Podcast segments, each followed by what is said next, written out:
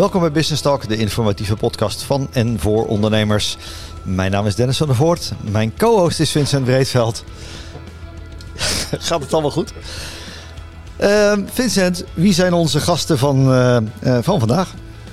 Dennis, onze gasten zijn Erik Siens, de, vanaf 1 december moet ik zeggen, de nieuwe voorzitter van ONL. En we hebben ook de huidige voorzitter binnenkort, de oude voorzitter van ONL en oprichter Hans Biesheuvel.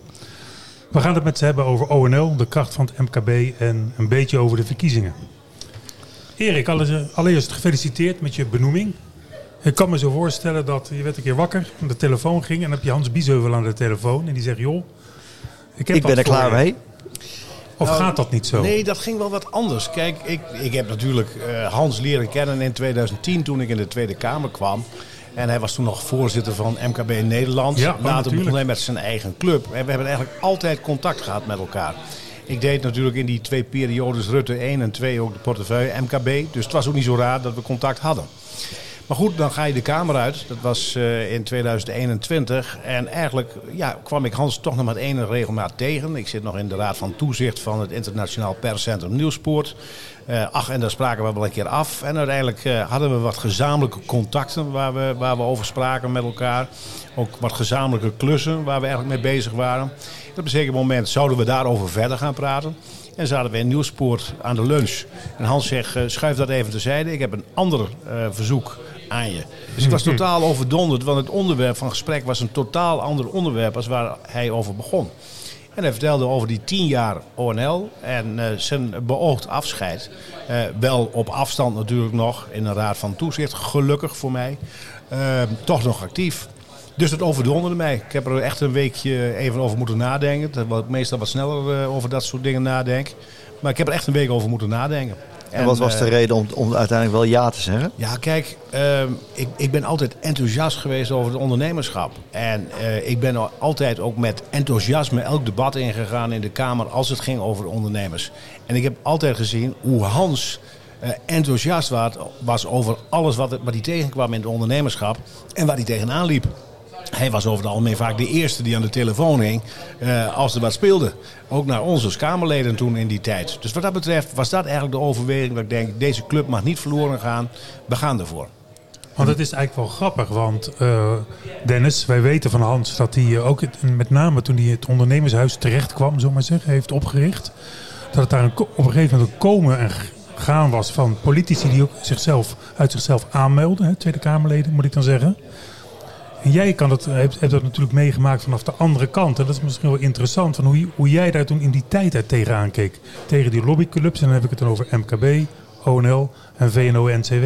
Ja. Het is wel best wel vreemd dat er drie zijn, of niet? Dat is ook best wel vreemd. Uh, kijk, we weten allemaal dat VNO-NCW uh, eh, voor de grote jongens, zeg ik maar, de beursgenoteerde bedrijven, Klopt. de banken, de verzekeraars, et cetera, opkomt. En dat is goed dat je daar een organisatie voor hebt.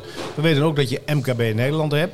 Uh, waar ik overigens veel respect heb voor de huidige voorzitter uh, Jacco Vonhof. dat doet hij erg goed.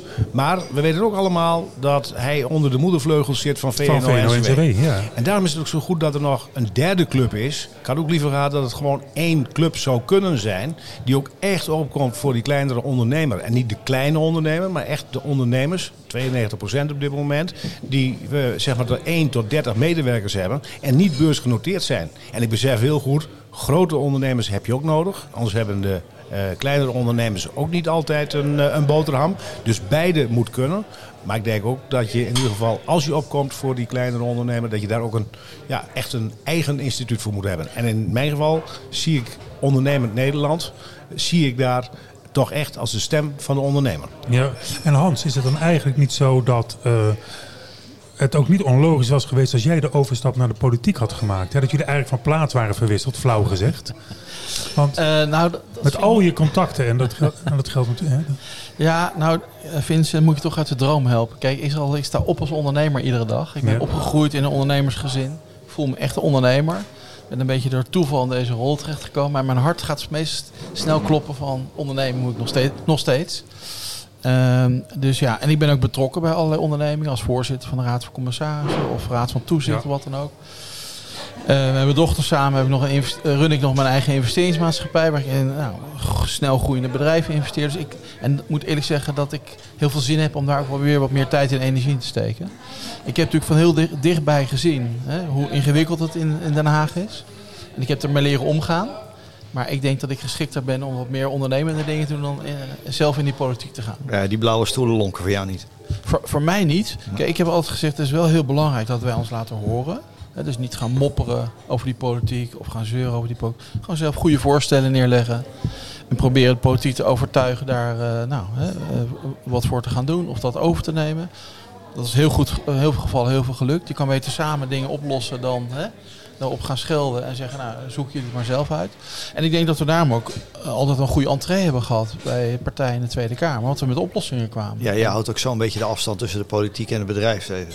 Is dat ja, maar ik, maar, ik, ik acht mezelf gewoon niet zo geschikt als politicus. Maar dat is gewoon mijn karakteropbouw. maar als je me even een stap verder denkt, Hans. Even los van jou als persoon. En, en, Um, uh, het verleden werd wel eens gezegd, ja, we moeten een minister, een minister van Economische Zaken hebben die uit het bedrijfsleven komt. Of, uh, nou, dat hebben we nu gehad. En dat uh, in het verleden ook al is. En het werkte wel goed of niet. Um, maar moet je niet een stapje verder gaan dat ook, ook die portefeuille Economische Zaken niet op een of andere manier geknipt moet worden. Dat het veel meer ook over ondernemerschap gaat. Ja, Want economische zaken is natuurlijk echt een heel groot begrip. Maar daar zit alles tussen. Ja. En, en dat MKB, dat, dat heeft toch echt specifieke noden en wensen. Ja, nou ja, kijk, ik vind zelf, hè, raak je wel een gevoelig punt. Kijk, als, wat, mijn, wat mijn, nu mijn, een beetje mijn ergernis is, dat eigenlijk niemand meer echt van ons knokt in die politiek, hè? Nee, de laatste Kamerleden die er nog voor gingen, Amouche en wie was die andere? Ik ben even kwijt, nog uh, van de VVD volgens mij eentje. Houder Rahimi uh, en je had Amous. Ja, ja, ja, ja Romke de Jong. Maar, oh, okay, ja, Amous. Maar dan had je het wel gehad. Maar die gaan de Kamer uit. Je hebt mensen nodig die echt knokken voor die ondernemers. Hè? En, en nou ja, toen ik begon, zeg maar, hè, het was de eerste minister waar ik, van EZ waar ik mee te maken was, Maxime Verhagen. Hè. Nou, ik kon veel van hem zeggen, maar hij knokte wel voor ons op dat moment. Hè. En dat vond ik met Henk Kamp ook op sommige dossiers. Die knokte echt nog voor ons. Daarnaast een stuk minder geworden. En dat niet, ligt niet alleen aan die personen, maar dat lag ook aan de complexiteit van de coalities. Hè. En al die dingen die die de afgelopen jaar zijn gebeurd. Maar één is dat vast. Hè. Er zullen ook in de, in de Tweede Kamer, ook in het kabinet, mensen moeten komen die gaan knokken, ook voor die bedrijven. Want die hebben gewoon hard nodig. En dat, daar ligt de taak bij jullie, bij jou Erik straks. Uh, je start net na de verkiezingen. Was dat een logisch moment of vind je het eigenlijk een beetje jammer? Nee hoor, want ik eh, draai nu natuurlijk al mee. Mm noem het een stageperiode, een introductieperiode. Dus daarom zit ik ook nu hier aan deze tafel. Hans die sleept me overal mee naartoe. Uh, om mij kennis te laten maken met de contacten die hij in de afgelopen jaren heeft opgedaan. En dan kom je er wel eens achter dat je bij mensen komt die je al eerder een keer ontmoet hebt. Hè? Dennis, wij hebben elkaar ook eerder uh, ontmoet. Uh, en dat vind ik ontzettend fijn om, uh, om die contacten nu alvast even weer te gaan opbouwen. En na de verkiezingen, 1 december, ja, dan kan ik gewoon er vol voor gaan. Ja, op zich ligt er een vaste route. we zijn de tel kwijt, Hans, maar je hebt heel vaak achter de microfoon gezeten bij ons. Um, en altijd over, over relevante dingen. Dus uh, ja, je bent ongetwijfeld aan de beurt, Erik. Dat gaat vaker gebeuren. Ik, uh, ik twijfel er geen moment aan. En uh, nou ja, met iemand in een raad van toezicht die dan mij daar ook warm zal blijven poken, denk ik dat het allemaal wel goed komt. Zijn er ook aparte speerpunten die je van jezelf mee zou willen brengen binnen ONL? Ja, er zijn um, dus onder andere, maar goed, we hebben natuurlijk een manifest uitgebracht. Hè, dus ja. dat, daar heb ik ook in mee mogen kijken en ook in mee mogen denken. Dus ik kan wel roepen, dat is dan mijn speerpunt. Maar in principe zijn het speerpunten die we met elkaar in dat manifest hebben benoemd. Wat zijn daar de highlights van? Want dat uh, hebben jullie speciaal geschreven, gericht ja, op de verkiezingen? Er zijn echt, richting de verkiezingen is dat speciaal geschreven. Met name uh, op basis van de signalen die binnenkwamen vanuit het ondernemerschap. Uh, er is natuurlijk sprake van een ondernemerspanel wat Ondernemend Nederland heeft. daar zijn meerdere ondernemers inmiddels op aangesloten. En er worden vragen uitgezet en die ondernemers geven daar antwoord op. Hoe zij zaken ervaren, wat ze belangrijk vinden. En dan komen dat soort zaken in naar voren. Die zijn allemaal keurig verwerkt in dat manifest. Plus alles wat de afgelopen jaren natuurlijk ter tafel kwam. Ik zal er zomaar een paar noemen. Ik heb hem al eerder genoemd. We hebben het wel eens over een ombudsman. Maar waarom is er geen ombudsman voor ondernemers? Elke burger kan terecht bij een ombudsman. Gratis en voor niets. En als een, een ondernemer een conflict krijgt met de overheid, moet hij of een adviesbureau inschakelen, of hij moet een dure advocaat inschakelen. En iedereen denkt maar dat het gewoon maar kan. En daar zou in feite een ondernemersombudsman een oplossing voor kunnen zijn. Nou, we hebben het verder gehad over het UWV. Het UWV is natuurlijk altijd een informatiekanaal ook voor werknemers. Maar waarom is er geen zogenaamd UWV? En we hebben daar ook nog een naam voor bedacht, eh, Hans. Maar die mag jij zo nog even weer herhalen. Al die afkortingen. Volgens mij was het bureau... Ondersteuning werkgevers. Ondersteuning werkgevers, BO, BO, ja, BOW. Eh, om te zorgen dat die kleinere ondernemer, die gewoon niet zoveel eh, werknemers heeft, dat die kan zeggen: ik kan daar een keer een telefoontje plegen of een mailtje sturen of in een, een verzamelplatform gewoon kijken van waar kan ik op zijn makkelijkst terecht. Het Dat klinkt een beetje als een nieuwe rol voor de oude Kamer van Koophandel. Nou ja, in feite wel. Kijk, ik, ik, bedoel, ik heb vorig jaar alleen al 200 bedrijven bezocht in Nederland. Hè. Ook heel vaak met Kamerleden samen of met de baas van de UWV. En wat je gewoon merkt in al die gesprekken, zeker als het gaat over nou ja, werkgeversachtige dingen, ondernemers het gewoon bijna niet meer overzien. Er komt zoveel op ze af dat ze het gewoon vaak niet meer overzien. Ze willen het wel vaak, hè, want als je door de individuele onderwerpen heen gaat, zeggen ze op alles ja, hè, interessant. Maar ze weten toch niet vaak. Nee, het is heel herkenbaar. Ik, Vincent en ik zitten natuurlijk ook veel aan tafel eh, Ja. vanuit onze eigen praktijk met ondernemers. En, en dit is een heel herkenbaar beeld. Ja. Die ondernemer is aan het ondernemen en het groeit over zijn hoofd heen.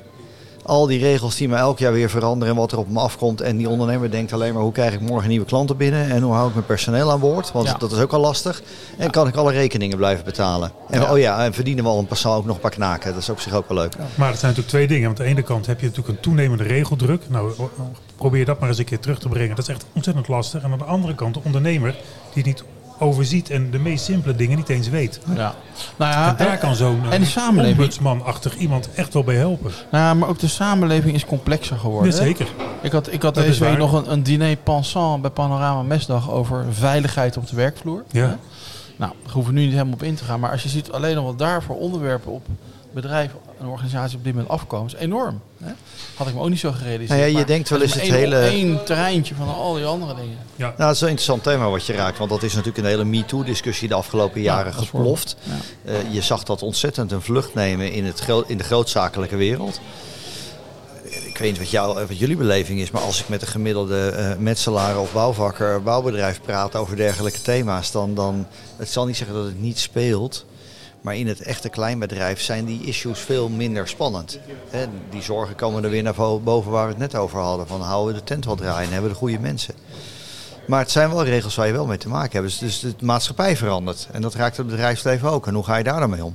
Ja, nee, absoluut. En, nou ja, en, dat, en het idee is dus die werkgevers ook een klein beetje te helpen. Hè, die rol in te vullen. Ik zie dat ook bijvoorbeeld bij Credits. Hè. Ik ben een coach bij Credits, microfinanciering in Nederland. Nou, ik mag dan een paar ondernemers coachen. Nou, in het begin vinden ze het allemaal hartstikke leuk om ondernemer te zijn. En op het moment dat ze dan werkgever moeten worden, ja, dan gaat in één keer vaak de lol eraf. Hè? Want er komt er zoveel complexiteit bij dat ze ineens niet meer aan de ondernemer Ja. toe komen. Nou, dat is een beetje zwart-wit. Maar dat is toch wat ik nu de afgelopen jaren veel gezien heb. Nou, en wat ook wel het nadeel is, en dat, dat heeft er niet zoveel met de overheid, maar inderdaad met de maatschappij te maken. Wat ik heel erg merk, is dat kleinere ondernemers bij gewone leveranciers gewoon niet meer terechtkomen. Bij de banken bijvoorbeeld. Nee. Hè, als ze een krediet willen aanvragen, dan ze weten niet eens met wie ze moeten bellen. Als ze al bellen, zeggen ze dat moet via internet. Dan gaan we zitten zoeken en dan zeggen ze en niemand die je kent of, of, of herkent. Ja, maar En dat is zeer, zeer, zeer, terecht, zeer, zeer terechte vraag. Kijk, ja, allereerst is het al een helft job om een, eh, een bankrekening te openen. Ja, bijvoorbeeld. Dat, dat, dat- kan soms maanden duren. Ja, afhankelijk Eh, van de sector waar je in zit. Zit je in de auto's, dan heb je Ja. al pech. Heb Ja, je een café, heb je al pech. Ja, dat klopt. Dat Want die, staan allemaal, die liggen allemaal onder een vergrootglas. Dus daar begint het al mee. En als je vervolgens een krediet wil gaan, gaan aanvragen. Ja, dan zit je inderdaad in de categorie eh, beneden de paar ton. Ja, dan heb je een probleem. Want die bank die heeft gewoon een berekening gemaakt. En komt dan eh, tot de conclusie dat als ze een dergelijke kredietaanvraag helemaal volgens de regeltjes allemaal moeten laten doorlopen. Dat het hun alleen maar geld kost. Kost geld, Dus je komt er aan de voordeur en verder kom je niet. Eh, en ja, van ouds natuurlijk, eh, destijds hadden we natuurlijk de, de, de, de account eh, manager eh, die jou op dat moment te woord kon staan. Die kon je in de ogen kijken en die denk, dacht van, nou dat, is- dat moet wel een goede ondernemer Ja, zijn. en die hielp ook mee, die dag mee. Hè? Dat. Juist, maar die heb je niet meer. Dat is allemaal, gebe- dat is allemaal Nee, nee, je- allemaal je- weggesaneerd. de- voor de financiering meld je nu bij Credion of als klein is Ja. bij Credits. En, en dan krijg je iemand die wel voor je knokt en die gaat alle banken af. Ja. Maar die loopt tegen diezelfde muur aan bij Dat die is bank. correct, ja, ja. Want dan krijg je dus inderdaad zo'n afvinklijstje. Hè? En Ja. als je net de ene vraag verkeerd beantwoordt, ja, computer says no. Ja. En dan is het gebeurd. Het is treurig. Ehm, je noemde die, die, eh, dat, dat, eh, dat, die ombudsman voor ondernemers. Eh, Noem nog eens een paar andere speerpunten waarvan je zegt, nou daar ga ik me echt er, hard er van zijn meerdere. Kijk bijvoorbeeld op dit moment naar de enorme huurverhogingen die opgelegd worden door vaak hele grote partijen aan de kleinere ondernemers op basis van een standaard huurcontract. Eh, waarin de prijsindexcijfer van gezinsconsumptie daar leidend is. Ja. Op zich was die constructie natuurlijk nooit echt verkeerd. Totdat op een zeker moment natuurlijk die oorlog uitbrak in Oekraïne. En met de 20% prijzen enorm. gingen, ja. En wat, en, 14,8. ja, maar het gekke is, dus de gemiddelde huurder van zo'n pand betaalt zijn eigen energie. En dat prijsindexcijfer van gezinsconsumptie, daar zit de energie bij in. Dus en ging die een huurverhoging betalen en ging die op dat moment nog eens een keer een verhoging voor zijn energie betalen. Nou, mijn vrouw heeft drie zaken en die kreeg een huurverhoging aan, eh, aangekondigd van 14,5 procent. En zo zijn er veel meer ondernemers die dat overkomt. Ja, dan- ga je dan terugslaan naar je consument. En dan zo jagen we met elkaar alleen de inflatie maar, Nou, dat is hoog dus, dus dat, ga je, dat ga je op dat moment verhogen. Kijk, hetzelfde is het verhaal met het minimumloon. Wij gunnen onze mensen gunnen we best netto veel meer. Maar het punt is, als je gewoon een minimumloon vaststelt, een uurtarief, dan gaat je hele loongebouw op de kop. Van Maar alle niet- medewerkers die je aan het werk hebt. We hebben het met, Hans ook berekenen. eens over gehad. Het- Er is niks mis mee dat je mensen in, in, in lage lonen meer geld geeft. Absoluut. Daar, daar is niemand op Dat tegen. mogen, mogen ze hebben. Maar, maar al is het middel dan niet veel beter om gewoon de belastingdruk lager te maken? Ja, maar dat, dat, daar, daar moeten we ook echt voor En gaan. dan kan dat bruto loon gewoon gelijk blijven. Juist. Merkt die werkgever er niks van. Dus je jaagt de inflatie niet aan. Ja. En er is natuurlijk helemaal, dan, dan kom je eigenlijk op dat basisinkomen waar zoveel over gesproken wordt. Maar dat, daar is eigenlijk niks op tegen als je er goed over nadenkt. Al- Als er dan maar wel gewerkt wordt voor dat Ja, maar, basisinkomen. er speelt nog een tweede ding. Want we, door al die regels en al die, die toestanden die we in Nederland meemaken, is het ambtenarenapparaat enorm gegroeid. Eh, ik heb natuurlijk zelf in De 2010. arbeidsproductiviteit gedaald. ja. Ja, dat zie je dus gebeuren. Ja. Dus, dus enerzijds de overheid die groeit als kool. Eh, en ja, dat is natuurlijk niet zo raar als je een toeslagenaffaire krijgt waar je honderden ambtenaren extra op moet gaan zetten om dat uit te voeren. Maar betekent dat de rekening gepresenteerd wordt aan de ondernemers. En in feite is dat natuurlijk geen fair play. Ja, ik snap het wel. Waar, waar moeten ze het anders het geld vandaan halen? Maar laten ze een keer efficiënter gaan werken. Laten ze ook een keer goed gaan kijken naar die overheadkosten. En zorgen dat daar ook in gesneden wordt. Kijk, dan voelt het in ieder geval eerlijker. Maar nu op dit moment wordt die hele rekening neergelegd bij de ondernemer. Nou ja, dat is natuurlijk de zorg. En, en inderdaad, dat model wat je schetst van een grote overheid die alles regelt. Ja, dat hebben we in het Oostblok 40 jaar geprobeerd. Nou, ik geloof niet dat dat echt bijster succesvol was. Nee, dat, dat, dat werkt ook niet. Nee. Maar goed, als je zodanig eh, gaat werken in een onderneming, als dat de overheid nu doet, door simpelweg alles maar iedere keer te verhogen, ga je het niet redden. Nee. Dus eh, neem een voorbeeld, zeg ik altijd, aan een ondernemer die goed kijkt naar zijn kosten. Daar waar het nodig is, in de kosten snijdt. En probeert in ieder geval ook een product aan te bieden voor een normale prijs. Waar degene die het koopt ook eh, daar eh, begrip voor heeft. Nu heb je aan de andere kant gezeten in, in, de, in de Tweede Kamer, elf jaar lang. Ehm, is jouw beeld, als je, hè, je bent er nu twee jaar uit, als je nu naar de Kamer kijkt, is daar wel een luisterend oor voor, voor, voor jou straks en, en, en ook voor Jacco, die, die op zijn manier toch ook voor het MKB dingen Ja. doet. Merk je dat, dat de deuren nog wel openstaan? Nou ja, ik, dat hoop ik, dat ze weer eh, echt open gaan. Omdat ik daar natuurlijk toch wel enigszins bekend ben in die omgeving. Maar ik heb natuurlijk wel gezien dat onder Rutte 1 we een samenstelling hadden van een kabinet. Waarin je mocht verwachten dat we op economische zaken het redelijk goed eens waren. En Dat was de, eh, we werkten toen samen met het CDA met een gedoogconstructie van de PVV. En als je dan kijkt naar economische zaken, dan waren we het heel vaak eh, over zaken heel snel eens. Met een meerderheid.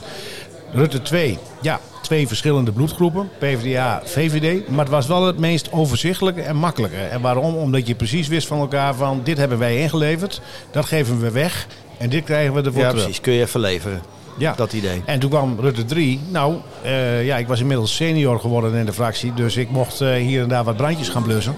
Maar dat was lastig. Met vier partijen is het gewoon lastiger. Omdat je vaak op dossiers er heel verschillend in zit. En ik heb gezien onder Rutte 4 hoe het verlopen is. Nou, ik was blij dat ik er niet bij zat. Ja, maar je geeft dan toch gewoon te veel weg als je met z'n vieren zit. Krijg je Ja, zo'n soort moet- lauwe, lauwe hap. Het wordt simpelweg, iedereen levert wat in. Dus, dus datgene wat je eigenlijk beoogt, wat je wilt, wordt uiteindelijk een slap aftreksel van hetgeen wat je wilt. Dus het is niet, niet of het een of het ander, maar dit is wat er gebeurt. Het is natuurlijk ook misschien wel een stukje beeldvorming. Hè? Want eh, Dennis en ik eh, hebben geen idee wat er eigenlijk in die Tweede Kamer gebeurt. Jij wel. En Hans ook natuurlijk. Door jullie ervaring. En, en wij hebben het er wel eens over. Maar in onze beeldvorming, en wij proberen alles wel te volgen, is het zo, ja, er gebeurt eigenlijk heel weinig. Anders dan dat er heel veel, dat ze met elkaar bezig zijn. Het kan ook de rol van de media zijn. Hè, dat die alleen maar dat soort punten iedere dag maar weer naar voren brengen. De, hè, de Nou ja, ik incident zeg- op links, op rechts. De Ik zeg het wel eens gekscherend. Maar dat heeft niks te maken met beleid voeren. En het misschien is wordt het wel altijd- gedaan, maar, maar merken wij dat helemaal niet. Je werkt, je, is dat ook is altijd zo mooi. Op dinsdagochtend is eh, de, de, de, de chocoladeletters in de Telegraaf. En om één uur is het vraaguur, of twee uur. En dan, je, je ziet het alweer aankomen. En waar, de, waar de Telegraaf over schrijft, dat zit middags in het Ja, vraaguur. ja, het, is, het is overigens niet alleen de Telegraaf hoor. En nee, maar het is even als voorbeeld. Maar Eh, als je als, als Kamerlid probeer je ook goed eh, op te letten waar de actualiteit speelt. Alleen ja, het werd natuurlijk wel een sport. Eh, dat je keek van waar kunnen we nog vragen over gaan stellen voor een vragenuurtje. Want je probeert natuurlijk toch je aandacht te vestigen op dat desbetreffende probleem. Dus dat kan ik niemand kwalijk nemen. Dat is wel normaal dat je daar gebruik van maakt. Alleen, eh, ja, de opmerking werd net gemaakt dat de media eh, daar een rol in speelde. In de zin van dat iedereen een beetje met elkaar bezig was. Ja, dat kun je de media ook niet, niet aanrekenen. Want die schrijven op wat ze zien en wat ze horen. Ja. Op de achtergrond gebeurt er natuurlijk en altijd alles heel is ook tegenwoordig meteen zichtbaar. Dat was Nou, dat natuurlijk is, dat is jaren natuurlijk ook wat er gebeurt. Kijk, als je, als je iets wil bereiken, moet je het voor die tijd moet je het eigenlijk regelen. Ook voordat je ja, aan een debat begint, moet je ongeveer weten hoe de hazen lopen. Als je dat wil gaan doen in een plenaire zaal, op dat moment gaat het je absoluut niet meer lukken. Ja, maar laat. dat was natuurlijk weer die transparantie die we opeens met z'n allen moesten toepassen. Althans, in de politiek, hè? Ja, nou ja, die transparantie is er op dat moment ook wel. Ja. Maar goed, eh, laten we wel zijn. Als jij iets voor elkaar wil zien te boksen en je weet van tevoren welke kant je op wil, probeer je natuurlijk wel even te polsen bij je collega's die woordvoerder zijn van, joh, hoe kijk je er tegenaan? Want ik bedoel, als je ze nog moet gaan overtuigen in die plenaire zaal, ben je echt te laat hoor. Ja. Ja, daar gebeurt niks. Dat moet je echt van tevoren ingekoud Nou, hebben. dat moet je wel. Er gebeurt natuurlijk wel van alles. Daar gaat het niet om. Maar als jij zeker wilt weten dat je een meerderheid wilt creëren, je overvalt anders een collega met bijvoorbeeld een bepaald voorstel. Dus je ziet heel vaak dat een bepaald voorstel waar nog niet over gesproken is, wel alvast in de media verschijnt. Maar je ziet ook vaak dat het pas in de media verschijnt als je vooraf al een beetje weet aan te geven. Ik heb er ook een meerderheid voor in de Kamer. dat het de goede kant op gaat. Je, Ja, je wil niet nat gaan en je Nee. wilt ook niet drie weken later in de krant staan van het is allemaal mislukt. Daar heb je hem weer. Daar Nee, heb je hem. Dus eh, nee, dat, dat, dat, dat is wel een heel spel op de achtergrond. We hebben natuurlijk een, een, eh, eh, best een uitdaging de komende periode. Het MKB staat er nou, niet goed op. In ieder geval, er is te weinig aandacht voor de MKB in de Kamer. En het verhaal het MKB als pinautomaat, dat hebben we de afgelopen jaren eh, voldoende voorbij horen komen. Wat, wat kunnen clubs als, als, als jullie, en, maar ook je achterban, die, wat kunnen we als ondernemers nou zelf doen om, om dat tijd te keren? Bij die, hè, dat, ni- niet alleen volgende week in, in dat stemhok, maar hoe krijgen we nou dat MKB weer gewoon in beeld dat er weer serieus naar gekeken wordt? Moeten we een minister voor ondernemerschap hebben? Of moeten we met z'n allen eh, op de A12 gaan staan of op het Malieveld? Wat, wat, wat is jouw beeld daarbij? Nou, kijk, het begint natuurlijk al eh, met, ik, ik heb het zelf ook wel eens benoemd, hè, eh, ondernemers die, eh, die zouden zich eigenlijk een keer moeten verenigen en echt een protestbijeenkomst moeten gaan bijwonen op het Malieveld. Maar ik besef ook dat de gemiddelde ondernemer daar die helemaal is geen tijd voor- ondernemen. Die heeft er helemaal geen tijd voor. Nee. Elke dag dat hij, dat hij zijn winkel of zijn zaak sluit, dat kost geld. Dus die gaan daar echt niet staan te protesteren. Maar die moeten wel eh, de stem van de ondernemer laten horen. En dat willen wij als ondernemend Nederland ook echt doen. En dat doen we dan rechtstreeks met die woordvoerders binnen de politiek. Die brengen we in beeld, die brengen we in kaart.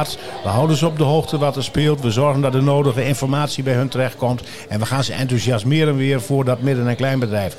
We laten ze weer zien dat die bakker, die slager, die groenteboer, maar ook die detailist bij hun in de straat belangrijk is. En dan geven we aan hoe ze daar in ieder geval hun inzet voor kunnen plegen. Ik denk dat het zeker gaat lukken. Nou, dat lijkt me, lijkt me een mooie uitdaging voor ons met z'n allen. Gaan we, gaan we doen? Ik wel. Dat, eh, la- laten we iets, iets proberen. Heeft nog toch Partij voor de Ondernemers, eh, Dennis? Nou ja, dat was natuurlijk wel het idee. Moet, moet er niet gewoon een Partij voor de Ondernemers komen? Ja, je hebt ook de Partij je. voor de Dieren. Ja, nee, dat zal. en, en, maar- en nu de Partij voor de Boeren weer. Ja, Dus ja, ja. Nou, ik, ik ben ervan zijn ook ondernemers trouwens. Ja, maar ik heb het met Hans daar in het verleden ook wel over gehad. Volgens mij ook in die tijd ergens rondom 2013, 14. eh, lang geleden. Maar, maar kijk, een partij voor de ondernemers, leuk en aardig. Maar dan zou je ook weer een one-issue partij zijn. Ja. Die zijn er al zoveel. Eigenlijk moet je zien dat je al die partijen ervan Hoe belangrijk dat MKB is. De meeste politici hebben absoluut geen idee dat daar het geld opgebracht wordt om al die zaken te doen die voor Nederlanders belangrijk zijn. Dus veiligheid, eh, defensie, zorg, et cetera, et cetera. Noem het maar. Ook onderwijs. Wordt allemaal betaald uit die grote pot. Ondernemers hebben daar geen enkele moeite mee om daar bij te dragen. Maar op een zeker moment is het direct eruit. En dat moment is nu aangekomen. En daar ligt een mooie taak voor jou vanaf 1 december. Uh, nog even warm lopen nu. Uh, wat is het eerste wat je echt gaat doen zodra Hans zeg maar zegt van nou nu is het aan jou? Dan ga ik eerst eens even achter dat grote bureau van hem zitten. Nee, dat is een grap. Daar zit hij zelden. Dat kan ik je verzekeren. En als ik er kom, die is altijd op pad en overal mee bezig. Nee, het eerste wat ik ga doen is uh, zo snel mogelijk, maar daar begin ik eigenlijk nu al een beetje mee. Uh, goed in beeld te hebben wie die nieuwe Kamerleden zijn. Wie de woordvoerders zijn. En die krijgen allemaal, daar waar ik uh, contact mee kan krijgen, een bezoekje. Mooi. En dan gaan we echt even het manifest ook persoonlijk overhandigen. En laten we even zien waar we voor staan. Wat we graag willen. En dan hoop ik dat iedereen meewerkt. Dat ook die punten in een mogelijk regeerakkoord terechtkomen. Dus dat wordt in die dat twee weken mijn... voor de kerst nog even hard rennen. Want volgens mij wordt ja. ergens een week voor de kerst het kabinet of de Tweede ja, Kamer geïnstalleerd. December, dan uh, worden ze geïnstalleerd. Dus 5 december neemt de oude Kamer afscheid. Ja. 6 december worden Symbolische dag kunnen we meteen met Sinterklaas mee. Zo, de, de goede, de, de, de blijven, de slechte mogen mee. Ja, dan hebben we ergens in augustus 2024 misschien een kabinet. Ja. Nou ja, dan, zit, ja. dan, heb je, dan heb je eigenlijk... Dat ken je ze wel. Dan heb je Rutte 5 heb je eigenlijk al ja. een beetje gehad hè, qua tijd. Maar goed. Ja, nou ja, het blijft bijzonder. Ja, ik um, hoop dat het sneller gaat. Dankjewel voor, uh, voor je komst vandaag. Um, um, net als Hans. Uh, Hans, dank voor al jouw komsten in de afgelopen tien jaar uh, ja, bij ons aan tafel. Tijd, je zendtijd een keer gekregen. Ja, het was ons altijd een waar genoegen en uh, we gaan elkaar zeker nog wel spreken. Uh, en Erik, heel veel succes en wij gaan elkaar ook zeker spreken. Dankjewel. Vanuit het uh, Marriott in Den Haag um, ging het over ondernemend Nederland, waar eigenlijk Hans Biesheuvel het stokje over droeg aan zijn opvolger Erik Siens. Um, en die moet het gaan doen de komende jaren. En we zijn zeer benieuwd. Heel veel succes. Dit was Business Talk voor deze week. Bedankt voor het luisteren en graag tot een volgende keer.